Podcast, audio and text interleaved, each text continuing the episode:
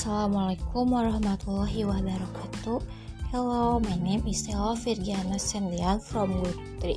Permission to add answer to read what question. Effort that can be made to anticipate the negative impact of globalization are the most effective in conducing national development through order.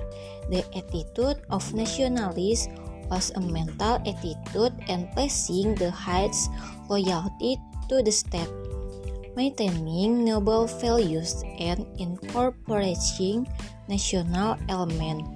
Therefore, citizenship education as a means of fostering the spirit of nationalism must be effective.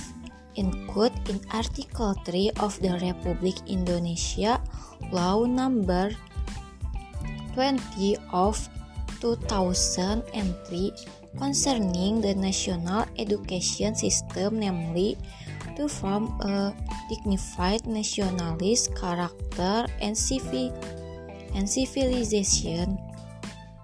With this, the attitude of nationalists will be used as a recipe and national mentality in defending the national identity in the midst of globalisasi. Thank you. Wassalamualaikum warahmatullahi wabarakatuh.